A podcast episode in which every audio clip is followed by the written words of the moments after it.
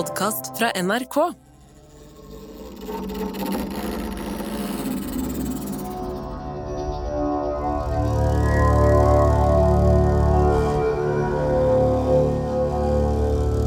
Veit du, av og til så sliter jeg med det de kaller for valgets kval, jeg altså. Ja, jeg gjør det. Hvis jeg skal ha meg en pizza, eksempel, skal jeg ha pizza med skinke, som jeg vet jeg liker og aldri bli feil, eller eller skal jeg prøve meg på en ny og spennende variant med steinsoppkrem, trøffelolje og balsamico glaze? Balsamico glaze, du, det høres eh, spennende ut. Det må jo være godt. Det kan jo bli min nye favorittpizza. Men enn om jeg blir skuffa? Enn om jeg velger feil? Likeens. Det er så vanskelig å bestemme seg når jeg skal kjøpe meg sko. Er de litt for store, eller er de tvert imot litt for trang? Skulle jeg gått opp en halv størrelse? Du, utvider de seg når de blir gått inn de skoene her, si meg? Er det lær? Kanskje de krymper? Få prøve den forrige størrelsen en gang til. Skal jeg ha sjokolade eller smurfestrø på softisen? Grill eller wiener oppi brødet? Brød og eller lompe? Uhellforsikring eller ikke? Slips eller sløyfe? For ikke å snakke om melk. H-melk, lettmelk, skummamelk, kokosmelk, rismelk, havremelk, mandelmelk eller soyamelk. Jeg klarer ikke å bestemme! Livet er så mange vanskelige valg. Men jeg skal fortelle deg det, at de valgene mine, som jeg spekulerer rundt, det er ingenting, ingenting, sammenligna med hva den unge danske prinsen Carl, den kommende kong Haakon den sjuende, gikk og grunna og grubla på sommeren 1905. For da hadde han fått et tilbud som han ikke kunne si nei til. Eller kunne han si nei? Burde han si nei? Det var nå i hvert fall litt av et dilemma. En annen dansk prins, han Hamlet, han spurte jo seg sjøl å være eller ikke være. Han danske prinsen her, han spurte seg sjøl å være eller ikke være konge. Og det var ikke lett til prins Carl.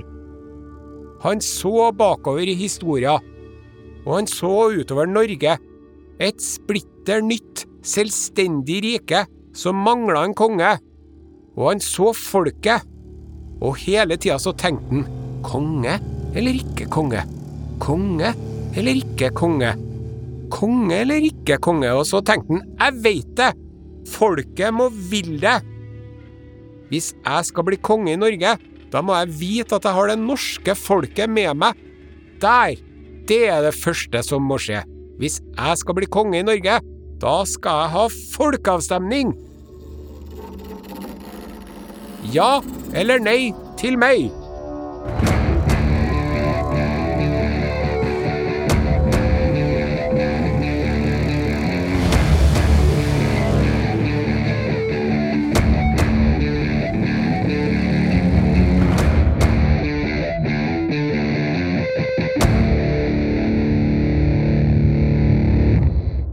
Hører Kongerekka med Are Sende Osen, sesong fire. En podkastserie om de norske kongene. Episode tolv Håkon den sjuende, Olav den femte og Harald den femte. Kongen som samla Norge med ord.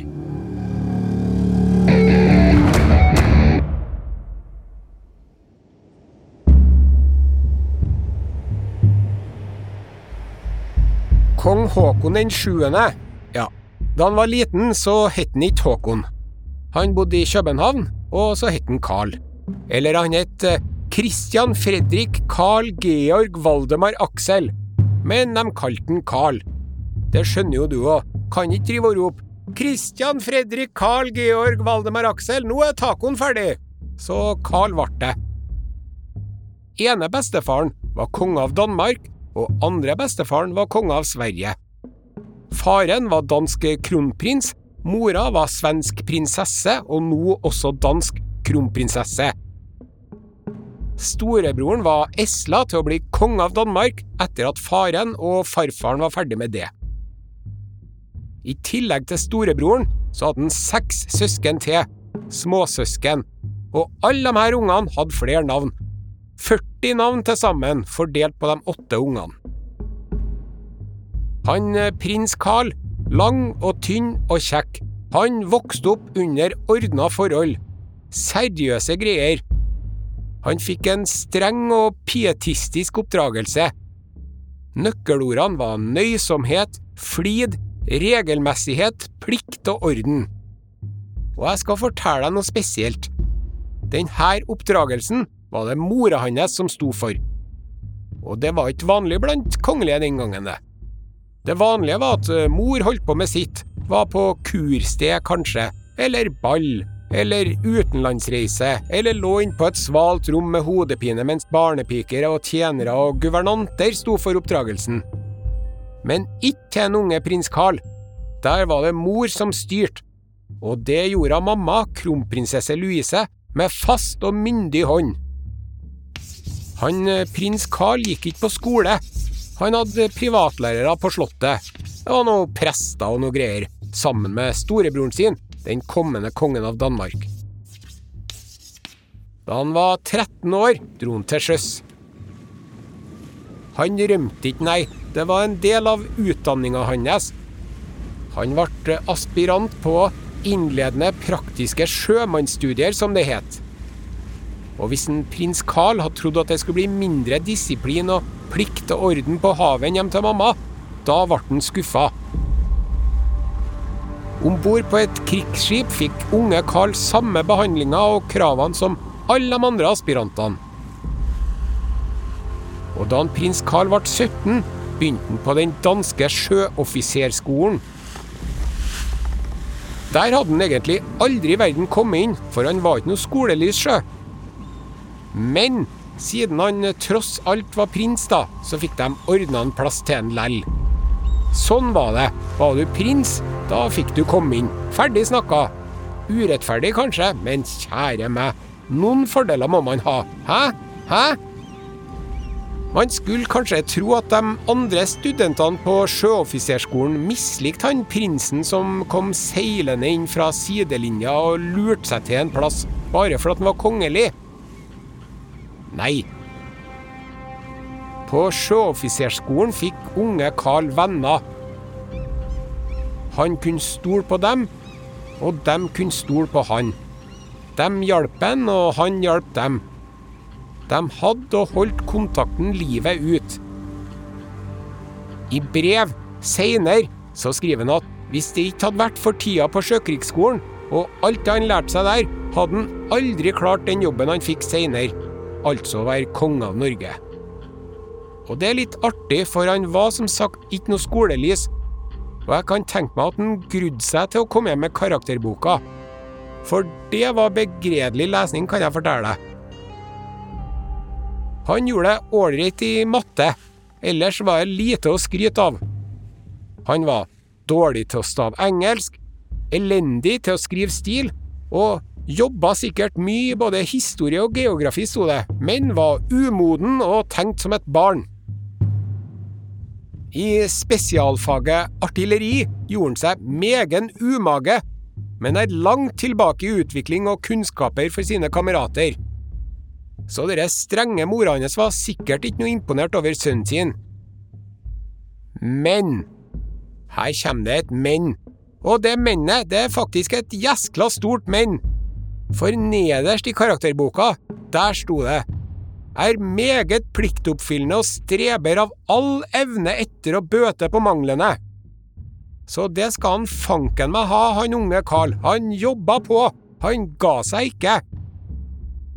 Regelmessighet, flid, plikt og orden, det var verdier han hadde med seg hjemmefra, og tok med seg på skolen. Kanskje det viktigste han lærte seg, mye viktigere enn banen til kanonkula, så lærte han seg å stole på vennene sine. Tillit og respekt. Og det var verdier han hadde med seg resten av livet. Tillit, respekt.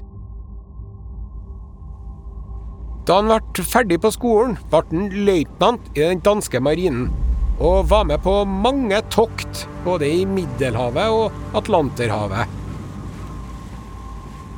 Det er noen som påstår at en prins Carl på et av de her toktene ordna seg en nice piece, som ungdommen kaller det. Altså en tatovering. Da formodentlig med et slags maritimt motiv. Jeg har aldri sett noe bilde av denne tatoveringa, så det er ikke helt sikkert. Men det var nå flere konger på den tida der som hadde tatovering, så det er ikke umulig. Jeg liker å forestille meg at en prins Carl hadde et anker og et hjerte og ordet 'mamma' på overarma si, men det stemmer helt sikkert ikke.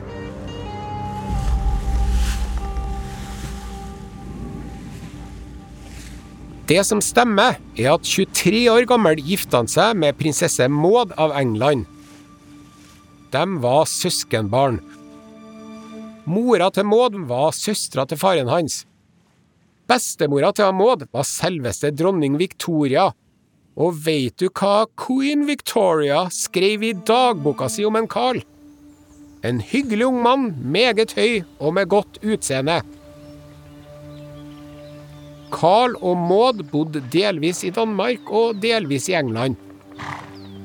Hun Maud skjønner hun kjeda seg i Danmark og hadde hjemlengsel til England. Og de hadde ikke all verdens til penger. Det er ikke alltid unge kongelige har det, sjø. Men i 1901 daua dronning Victoria. Da arva prinsesse Maud en betydelig slant, så da ble det litt romsligere. I 1903 fødte Maud en sønn. Alexander Edvard Christian Fredrik døpte dem han. To navn fra Danmark, to navn fra England. Men de kalte den bare for Alexander. Røpealarm, du kjenner nok under et annet navn, som begynner på O og slutter på lav.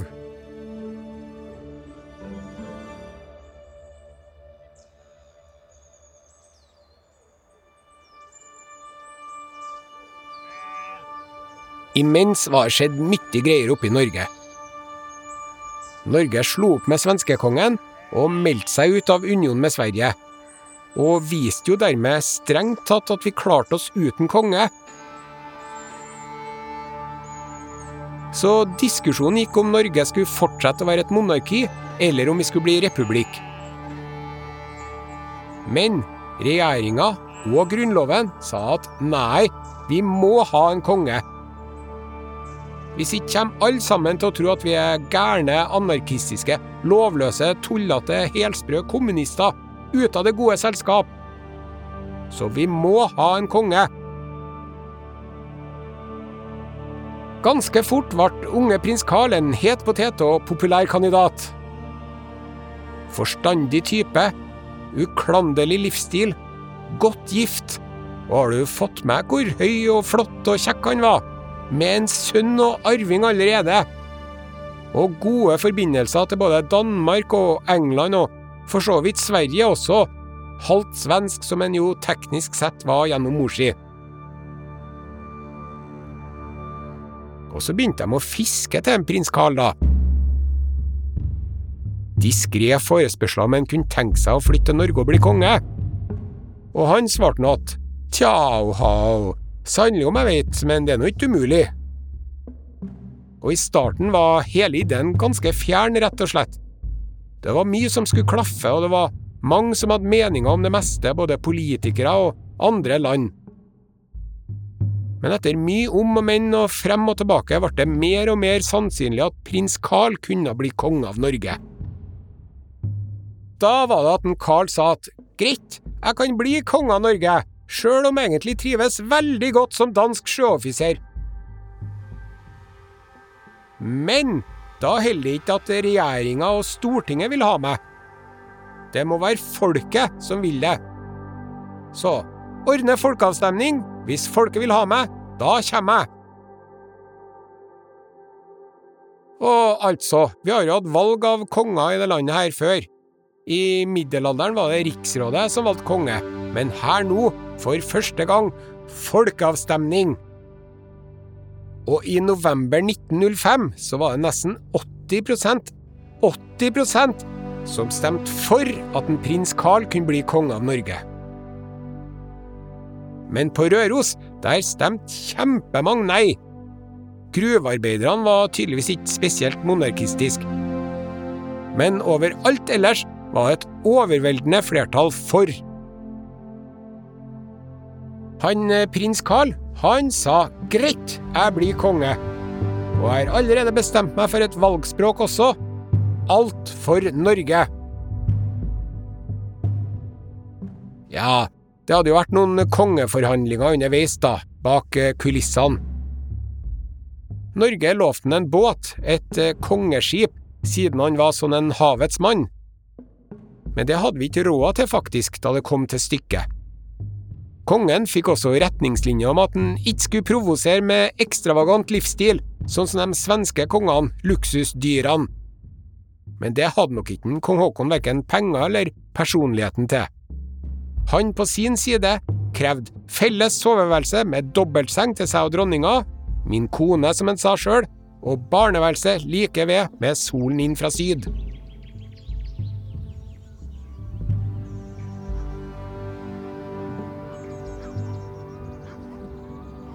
Mindre enn to uker etter folkeavstemninga trådte den nye kongen i land i Norge. Han kom seilende på et gammelt krigsskip 25.11.1905, iført hatt og frakk. Da hadde han skifta navn fra Carl til Håkon, og sønnen het ikke Alexander lenger, han het for Olav. Men eh, Maud het nå fremdeles Maud, da.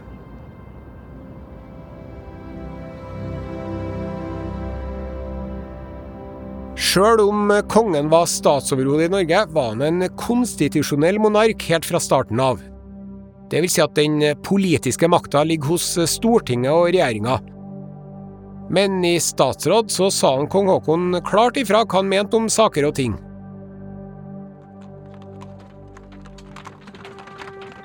I 1906 reiste kongeparet med hesteskyss og skip til Trondheim og ble krona i Nidarosdomen.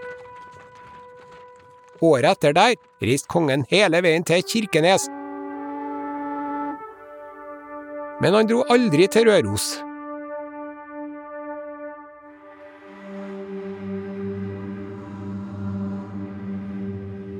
Det var ikke noe luksusliv for den nye kongefamilien. Slottet i Oslo var shabby og dårlig vedlikeholdt. Det var ikke vannklosett. Det kom noen og tømte dobøttene deres for dem. Men eh, kongen sa at det er ikke så farlig, og hele landet er nå ganske fattig, så nå må vi ta det kulig her, alle sammen. Og han hadde et lite hoff, ikke fullt av kammertjenere og hoffdamer, sånn som i Sverige. Kongen og dronninga holdt ikke store ball heller. De dro opp til Holmenkollen og rente kjelke ned igjen, gjorde de. De snudde på krona og holdt ned utgiftene. Det er jo kong Olav som er kjent som trikkekongen fordi han tok trikken under oljekrisa i 1973. Da var det ikke lov til å kjøre bil i helgene. Men at eh, konger kan ta trikk, det hadde kong Olav lært av far sin. Faktisk drev en kong Haakon også og tok trikken stadig vekk. Sjøl om svigerfaren, den engelske kongen, advarte han mot det og sa at det der ble altfor folkelig. Kong Haakon tok nå trikken opp til Holmenkollen lell. Ellers sto de på balkongen og vinka til barnetoget hver eneste 17. mai. Jeg må nå innrømme at jeg tenker litt på dronning Maud, jeg, da. Som ikke trivdes i Kjøben og savna England. Tipper at hun ikke trivdes så gjeskla godt i Norge. Kjelke var vel én ting. Men hva Maud tenkte da satt på det kalde, trekkfulle Sarva slottet julaften 1905 og fikk en veldig, veldig lang og tynn pakke julegave av mannen sin. Og pakka opp, og der lå det to planker. Med bøy oppover på den ene enden og noen lærreimer og stålfjærer i midten. Da lurte Maud sikkert. What on God's green earth is this? Skis, my dear, svarte kong Haakon. Our new favorite hobby. Ja, jeg veit ikke sikkert at dronning Maud fikk ski i jula 1905, men det er nå sikkert at de begynte å gå på ski tvert. Og da hadde de nasjonalhelten, eventyreren, polfareren, vitenskapsmannen, kunstneren, diplomaten, filantropen, Fridtjof Nansen sjøl. Fridtjof Nansen sjøl, sier jeg, som skiinstruktør. Han kong Haakon han var en jæskla skvær type. Og idealene som han hadde fått innprenta i oppveksten og ungdommen, hadde han med seg hele tida. Tillit og respekt. I 1927 var det stortingsvalg i Norge. Arbeiderpartiet vant og ble det største partiet på Stortinget. Det var dramatisk. Den gangen var Arbeiderpartiet raddiser, kommunister. De var rødere enn Rødt er i dag. Høyre-statsministeren gikk av og anbefalte kongen å be Bondepartiet om å ordne ny regjering. For de borgerlige, nemlig, var det utenkelig at Arbeiderpartiet skulle få styringa i Norge. Men ikke for kong Haakon den sjuende. Jeg er også kommunistenes konge, skal han ha sagt. Og så ba han Arbeiderpartiet ordne regjering. Og det, det var rett og slett friskt. Det var ikke ti år siden heller. Ni år siden var det at det var revolusjon borti Russland, og kommunistene skjøt alle i den russiske kongefamilien de fikk tak i. Og det var søskenbarnet til den kong Haakon, det, og familien. Så om han Håkon den sjuende hadde sagt at veit du hva, greit at det er kommunistenes konge, ok, men vi kan ikke gi dere gærningene der regjeringsmakta, hallo, de er jo sinnssyke, så kunne man skjønt det. Men det sa han altså ikke. Kong Haakon fulgte reglene for demokratiet vårt, og han lot Arbeiderpartiet danne den første Arbeiderpartiregjeringa. Håkon den sjuende viste mot og integritet og rettskaffenhet, og fulgt spillereglene. Tillit og respekt begge veier. Og ennå har vi kommet til andre verdenskrigen ennå.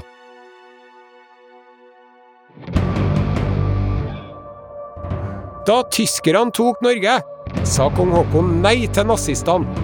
To ganger sa han nei. Første neiet, det var da kong Haakon sa at jeg skal fanken ikke utnevne nazisten Quisling til statsminister. Det skjer ikke. Og før jeg gjør det, så går jeg av. Og da de forbaska nazistene fikk høre det, da prøvde de å drepe kongen. Men det klarte de heldigvis ikke. Og etter mye dramatikk og bomber og granater og flyangrep kom han seg heldigvis over til England. Og noen måneder etter da kom det enda et krav fra den norske naziregjeringa om at en Håkon måtte gå av som konge. Men han sa nei til det, og han. Kong Håkon 7. ble det viktigste samlingspunktet for det norske folket under krigen og det viktigste symbolet for viljen til å slåss mot okkupasjonen, sjøl om han satt i London. I 1942 fylte kongen 70 år, men i Norge var det ikke lov til å feire bursdagen hans. Nei, det var det absolutt ikke. Men det gjorde vi lell, vi. Illegalt, bak blendingsgardiner over hele landet. Og sønnen, kronprins Olav, han tilbød seg å bli igjen i Norge og kjempe mot tyskerne. Men regjeringa sa at nei, det er ikke noe god idé, ikke å gjøre det, Olav. Så det gjorde han heldigvis ikke.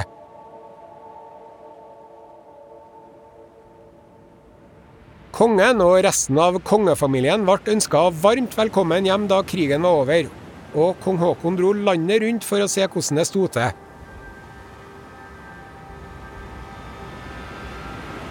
Og endelig fikk han det skipet han hadde blitt lova kongeskipet Norge. Etter en svær innsamlingsaksjon fikk han det til 75-årsdagen sin i 1947. Eller nesten. Han fikk en modell av kongeskipet. Og så fikk han det på ordentlig året etter. I hvert fall ble kongen kjempeglad for gaven, og sa at det hadde vært et stort savn for han.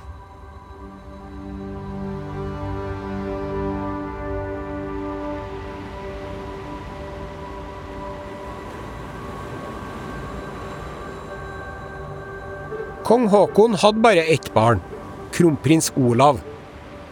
Han var født i England og het jo egentlig Alexander. Men da pappa ble konge i Norge, skifta han som sagt navn til Olav. Det var et eh, ganske dristig navnevalg. Alle kongssønnene som het Olav, daua jo mens de var små gjennom hele middelalderen. Vi hadde ikke hatt en voksen kong Olav siden 1000-tallet. Men heldigvis så gikk det bra med en Olav den femte. Og han vokste opp i Norge. Var den første kongen siden middelalderen som gjorde det. Han gikk på norsk offentlig skole. Han hoppa i Holmenkollen og norska seg noe så gæli. Noe av det første han gjorde etter at han ble signa som konge, var å fære til Røros. Og når jeg sier kong Olav, da tenker i hvert fall jeg på en mann med anorakk og ski som sitter på trikken opp til Holmenkollen og insisterer på å betale billetten sin. Det var en kong Olav. Han nekta å gå foran noen i sykehuskøa og gjorde han. Sjøl må jeg si, hvis jeg hadde vært konge og de hadde sagt Deres Majestet, de er nødt til å snike i køen, så hadde jeg sagt uff, ja, ok da, jeg får vel gjøre det da, sjø. Alt for Norge. Men han Olav, han nekta det.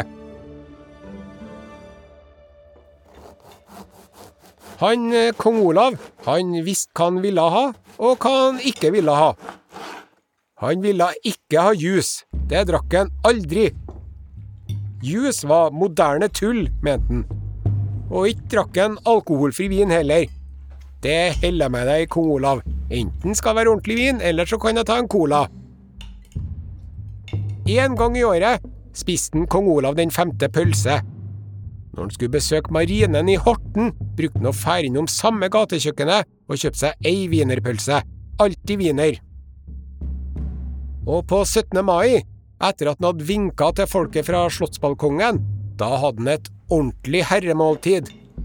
Tornedos rosini, altså indrefilet med gåselever og trøffelsaus. Nam.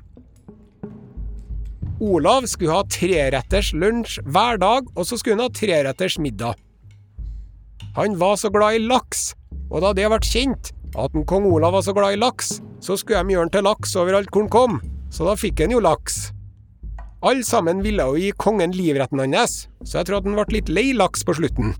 Fikk eh, dosen sin. Kong Olav han hadde peiling på seiling. Dere vikingkongene, når de var ute og seila, så røva de gull. Han kong Olav, han vant det. Han hadde OL-gullmedalje i seiling, hadde han. Når han var ute og seilte med båten sin, da hadde han med seg en dugelig matpakke med loff. Ikke noe vanlig loff, nei. Kongeloff! Full av smør og egg. Du finner oppskrifta på loffen til Laffen på nett. Kallenavnet hans var Laffen, sjø. Loff, røyka laks og skinke og syltetøy, og gjerne en kotelett eller et kyllinglår i tillegg. Olav gifta seg med kusina si, ei svensk prinsesse, Märtha. Da ble det god stemning i Sverige. Da fikk de et eh, plaster på såret, liksom, etter den forsmedelige unionsoppløsninga. Dessverre døde Märtha altfor tidlig, og stakkars kong Olav var enkemann i nesten 50 år.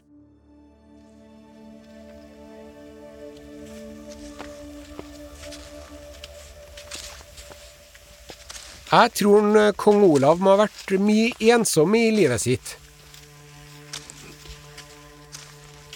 Jeg tror han var en ensom gutt på slottet da han var liten. De var jo bare tre i kongefamilien i Norge. Og jeg tror det var ensomt til han alle de årene han var konge og enkemann. Da han ble signa som konge i Nidarosdomen i 1958, hadde han allerede vært alene i fire år. Jeg tror det var litt eh, tomt på slottet. Én mann i et veldig stort hus.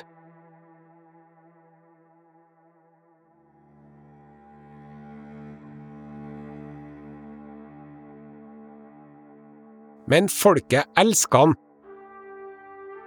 Han var utrolig populær, hadde en egen evne til å spre glede og varme rundt seg. Han ble en nær konge for folket. Han reiste rundt som bare det og tok imot lassevis av audienser på Slottet. Og de sier at han huska alle plassene han hadde vært og alle folkene han hadde møtt.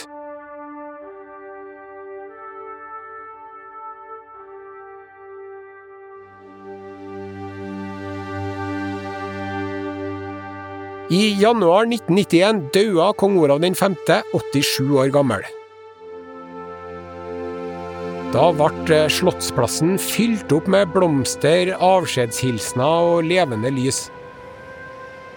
Aldri hadde Norge opplevd sånn en landesorg.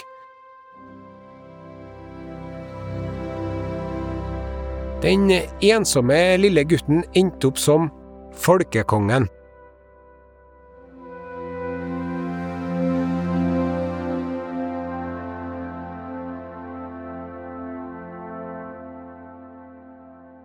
Om ikke alle, så var det i hvert fall en del som tenkte om sønnen, Harald, Harald den femte. Klarer en Harald å følge opp denne unike posisjonen blant folket?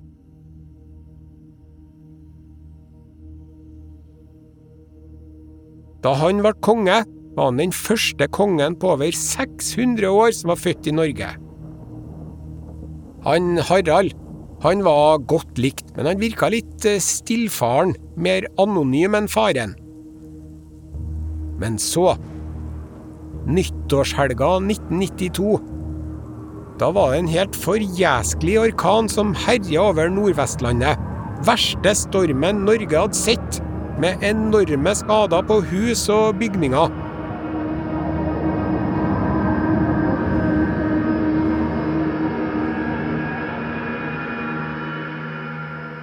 Og da, vet du, da heiv en kong Harald på seg ei blå boblejakke og ei blå skyggelue og noen grønne gummistøvler.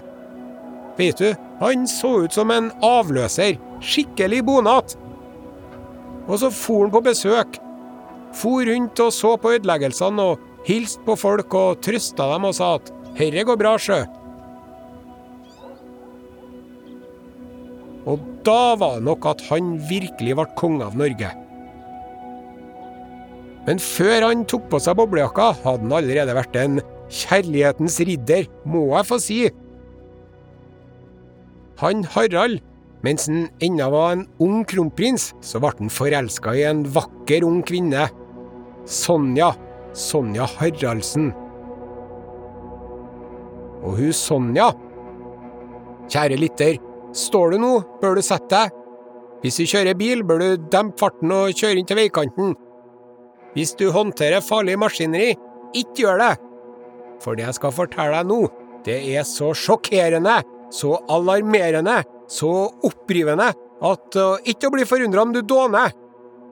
Hun Sonja, hun var nemlig ikke kongelig. Hun var ikke adelig engang. Hun Sonja, hun var jo bare en helt vanlig person.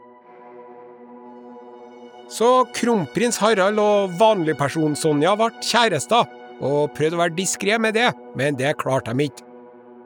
Og sladderen gikk, og det var skandale, for i alle år hadde jo kongelige hatt arrangerte ekteskap, enten de ville eller ikke. Kongelige gifta seg med kongelige. I hvert fall med adelige, i hvert fall ikke med helt vanlige folk. Sånn hadde det vært for kong Olav òg, gift med ei ekte prinsesse, og sånn skulle det vel fortsette.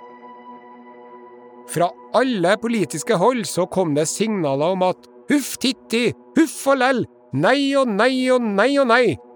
Hvis det her blir alvor, kan det bli slutten på monarkiet. Kong Olav var skeptisk til et ikke-kongelig giftermål. Nå satt han i klemme. Skulle han rive ned faren sitt livsverk, eller skulle han ødelegge livet for sønnen? Kong Olav trådde vannet. Drøya han så lenge han kunne. Håpa nok at det skulle skjære seg, det beste hadde jo vært om dette forholdet bare gikk over av seg sjøl. Men det gjorde det ikke. Herre var alvor. Ekte kjærlighet. Så etter ni år, da sa han kronprins Harald at eh, hvis jeg ikke får av Sonja, så kan det være det samme. Ja, han sa det. Da må jeg vurdere å være ugift resten av livet, sa han. Regjeringa var splitta, men til slutt så gikk de ikke imot ekteskapet. Og så fikk Harald og Sonja hverandre. Kjærligheta vant. De gifta seg i 1968. Og så viste det seg jo at eh, det var ikke slutten på monarkiet lell. Det var bra at en Harald sto på kravene. Bra for han, og bra for Sonja, og bra for ungene som kom, og bra for alle oss andre også. Jeg tror en Harald skjønte noe viktig. For at eh, familiebedriften skal funke, må privatlivet være bra. Det er ikke bra for verken kongen eller landet eller folket om kongen skal være ulykkelig og deprimert og nedfor og med et knust hjerte. Kong Harald og dronning Sonja de har skjønt verdien av ekte kjærlighet, og de har støtta valgene til barna sine. Kjærlighet som strategi, faktisk. Tillit og respekt. Kronprins Haakon og Mette-Marit var jo en reprise av Harald og Sonja omtrent. Skandalefaktoren denne gangen var jo at Mette-Marit allerede var en partyprinsesse, og at hun hadde en unge fra før. Men altså, det der er jo rett og slett et moderne og helt vanlig familieliv. Det er jo sånn for veldig mange. Ikke veldig mange kongehus, riktignok, men lell. Så det kongehuset i Norge, da, de er ikke bare et kongehus. De er mennesker i tillegg til at de er kongelige. De er en kongefamilie. Og prinsesse Märtha Louise, altså skulle tro at hun hadde googla 'mest provoserende partner en norsk prinsesse kan skaffe seg'. For altså svart utlending, biseksuell, business-healer-sjaman, jeg vet ikke, rekk opp hånda dem som ikke syns dette er litt mye. Men hun får jo være sammen med en. De skulle nå for så vidt ha lykke til med å stoppe henne, da. Visst har det blåst en del rundt av Märtha og prinsesserollen som har krasja med engleskolen og alle de andre forretningene hennes, og hun har fått sin kongelige status endra. For bryter hun med verdiene til kongehuset, så kan hun ikke være en del av institusjonen kongehuset på samme måten. Men hun er nå en del av familien uansett. For kongefamilien er jo to ting. En familie og en institusjon. Jeg må si det. Det norske kongehuset, for en gjeng! Håkon den sjuende, helt super. Olav den femte, tipp topp. Harald den femte, strålende. Og kronprins Håkon, han ser nå ut som han kommer til å skikke seg bra, han òg. Og hun dattera, Ingrid Alexandra, går det an å ikke like hun? Fem generasjoner. Fem generasjoner med, kan jeg si det, flaks. Og dyktighet. Og tillit. Og respekt. Men skitflaks. Det er bare å se seg rundt. Hvor mange andre kongehus i verdenshistoria har hatt fem topp monarker etter hverandre? Det er ikke mange. Hvis du er i utlandet og så drar du på kasino, der har de et spill som heter blackjack. De snurrer ei kule rundt i et hjul, og så kan du satse på tall og eller farger. Og så tar du alle pengene dine, og så satser du på rødt. Og så blir det rødt. Du vant. Og så tar du alle pengene dine igjen, og så setter jeg dem på rødt igjen. Og så vinner du igjen, gitt. Jippi! Hva gjør du så? Jo, du setter alt på rødt. Igjen og igjen og igjen. Og der er vi i dag, da. Nå har vi hatt fem runder med rødt som vinner. Jeg må bare si det. Kanskje på tide å gi seg mens leken er god. Før eller siden lander jo ballen på svart. Den må jo det. Det er med kongen som den mynten han har ansiktet sitt på. Den mynten er jo bare en liten jerndings. Den er jo egentlig ikke verdt noen ting. Verdien ligger i at vi er enige om at den har en verdi. Men så er det også sånn at sjøl folk som egentlig vil ha republikk i Norge, sjøl folk som er mot monarkiet, sjøl dem mener at kongen gjør en veldig bra jobb. Norges første konge, Harald Hårfagre, han samla Norge med vold og tvang. Harald den femte samler Norge med ord og verdier. I september 2016 holdt kong Harald en tale på kongeparet sin hagefest i Slottsparken. Der snakka han om hva det er å være nordmann. Nordmenn er enslige, skilte barnefamilier og gamle ektepar. Nordmenn er jenter som er glad i jenter, gutter som er glad i gutter, og jenter og gutter som er glad i hverandre. Nordmenn tror på Gud, Allah, altet og ingenting. Nordmenn liker Grieg, Hugo, Hellbillies og Kari Bremnes. Med andre ord Norge er dere. Norge er oss.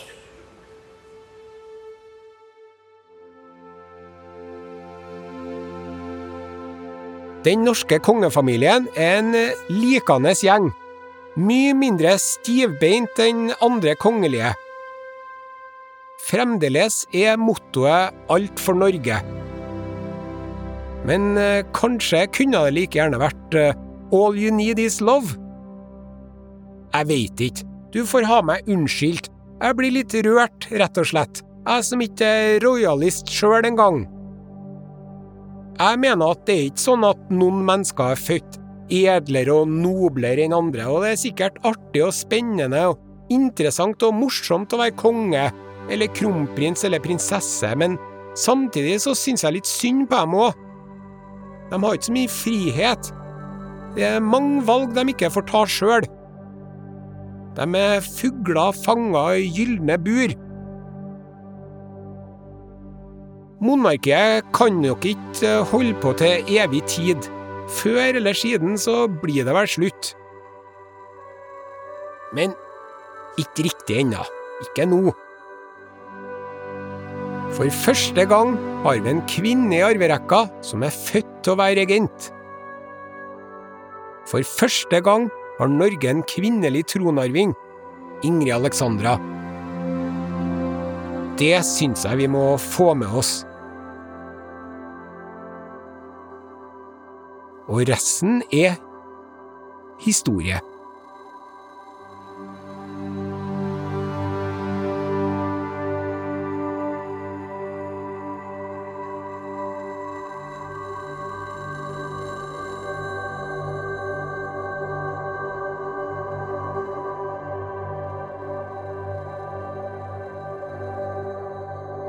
Kongerekka er laga av Are Sende Osen og Ragnhild Sleire Øyen. Historisk konsulent er Randi Bjørsol Verdal, og musikken er av Syncpoint.